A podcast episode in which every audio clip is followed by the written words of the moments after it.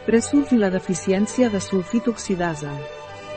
El dèficit de sulfit oxidasa cofactor molibdè pot trobar ajuda amb presulf, complement alimentari, que ajuda a metabolitzar els aminoàcids essencials. Quin és l'efecte de la deficiència de sulfit oxidasa a l'organisme i quines conseqüències pot tenir a nivell neurològic? La deficiència de sulfit oxidasa és un trastorn hereditari en el metabolisme dels aminoàcids sufragats que ocasiona una acumulació de sulfit en els teixits i líquids biològics. Aquesta condició pot sorgir degut a la manca de l'enzim sulfit oxidasa o a un defecte en la síntesi del cofactor necessari per a aquest enzim, conegut com a molibdè, MOCO. En tots dos casos, es produeix una malaltia neurològica greu. Què són els aminoàcids sufragits i com s'eliminen? Els aminoàcids són molècules que es troben a les proteïnes i tenen un paper important en el cos. Alguns aminoàcids, com la metionina i la cistina, contenen sofre a la seva estructura. Aquests aminoàcids es formen i es descomponen a través d'una via metabòlica específica, en la qual el darrer pas implica la transformació de sulfits en sulfats, els quals són eliminats a través de l'orina. Quina és la funció de la sulfitoxidasa? L'enzim sulfitoxidasa, amb l'ajuda del cofactor molibdè, MOCO, converteix els sulfits en sulfat. Aquest cofactor també és essencial per al funcionament dels enzims xantina oxidasa i aldehidoxidasa. Quan hi ha un defecte al cofactor MOCO, es produeix una deficiència en els tres enzims, la qual cosa té conseqüències clíniques i bioquímiques. Un error metabòlic de la sulfitoxidasa implica una alteració en el metabolisme, on certs processos enzimàtics no ocorren de manera eficient, cosa que pot portar a l'acumulació de compostos tòxics com els sulfits, que probablement siguin neurotòxics. Aquestes alteracions tenen conseqüències patològiques, Quines són les conseqüències de l'acumulació de sulfits a causa de la deficiència de sulfit oxidasa? En els casos de deficiència de sulfit oxidasa, els sulfits s'acumulen a l'organisme sense poder ser convertits en sulfats per eliminar-los a través de l'orina.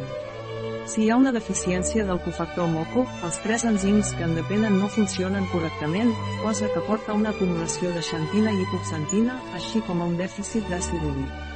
Què causa la deficiència de sulfit oxidasa i com s'hereta aquest trastorn genètic? La deficiència de sulfit oxidasa ocorre a causa de canvis genètics, mutacions, el gen SU-X és responsable de codificar aquest enzim. També pot passar per mutacions en altres gens involucrats en la síntesi del cofactor MOCO, com MUCS1, deficiència tipus A, MUCS2, deficiència tipus B i GPAT. Aquestes deficiències són trastorns genètics hereditaris de herència autosòmica recessiva.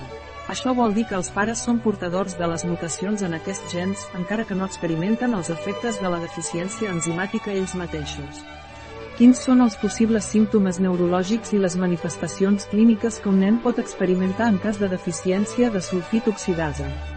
Els primers signes de les dues deficiències poden aparèixer els primers dies de vida o durant el primer any.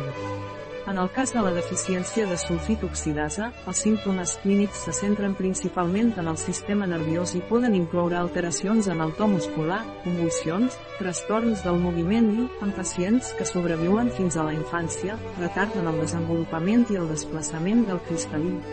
La lesió cerebral es desenvolupa aviat. En general, la malaltia té un curs ràpid i fatal, tot i que hi ha excepcions. A la deficiència de moco, l'acumulació de xantina també pot causar formació de càlculs renals a causa de la presència de xantinúria. Com es diagnostica la deficiència de sulfitooxidasa? El diagnòstic de la deficiència de sulfitooxidasa es fa mitjançant l'anàlisi del plasma i l'orina dels pacients. Al plasma s'observa un augment dels nivells de sulfocisteïna i taurina, així com una absència de cistina i homocisteïna total. A l'orina acabada de collir, es detecta un augment de sulfits i es presenten les mateixes alteracions que s'observen al plasma. En el cas de la deficiència de moco, a més d'aquestes troballes, s'observa una deficiència d'àcid úric al sèrum i l'orina, així com una excreció elevada de xantina i hipoxantina a l'orina. Per confirmar el diagnòstic de la malaltia, cal realitzar estudis enzimàtics i genètics, cosa que permet brindar assessorament genètic i realitzar diagnòstic prenatal. Quines són les opcions terapèutiques disponibles per tractar la deficiència de sulfit oxidasa i la deficiència de moco? En el cas de la deficiència aïllada de sulfit oxidasa, les opcions terapèutiques són limitades. Tot i això, en el cas de la deficiència de moco, la resposta terapèutica sembla ser més prometedora. Les possibilitats terapèutiques inclouen restricció de proteïnes mitjançant una dieta baixa en metionina i suplementada amb cistina. Ús de dextrometorfà, un inhibidor del receptor de NMDA, per reduir l'excitotoxicitat neuronal. Tractament de la deficiència de moco. En adults es pot complementar la dieta de restricció de proteïnes punt amb el complement alimentari Presulf de Naturoidea. Recentment s'ha descobert una teràpia de substitució efectiva per a la deficiència de moco tipus A, causada per mutacions al gen MCS1. Aquesta teràpia de substitució de substrat permet restaurar les activitats enzimàtiques dependents de moco en reintroduir monofosfat de piranocterina cíclica, el primer intermediari a la via de síntesi de moco. Això ajuda a aturar la neurodegeneració associada. Tant la deficiència de sulfit oxidasa com la deficiència de moco són malalties neurometabòliques greus, però un diagnòstic primerenc i el tractament substitutiu o simptomàtic poden brindar ajuda als pacients, com Sanidad, Vol, es, Bibliocubí, Publicaciones, Docs, Vol 29-4 Dietetiquans Metabòliques, Metabòliques, l'Hospital Barcelona, Vol, ECM, Deficiència sulfitooxidasa cofactor molibdeno, Info, Quales possibilidades terapèutiques. Un article de Catalina Vidal Ramírez, farmacèutica, gerent de Biofarma, és la informació presentada en aquest article no substitueix de cap manera l'assessorament d'un metge, qualsevol menció en aquest article d'un producte no representa el suport dels objectius de desenvolupament sostenible a aquest producte.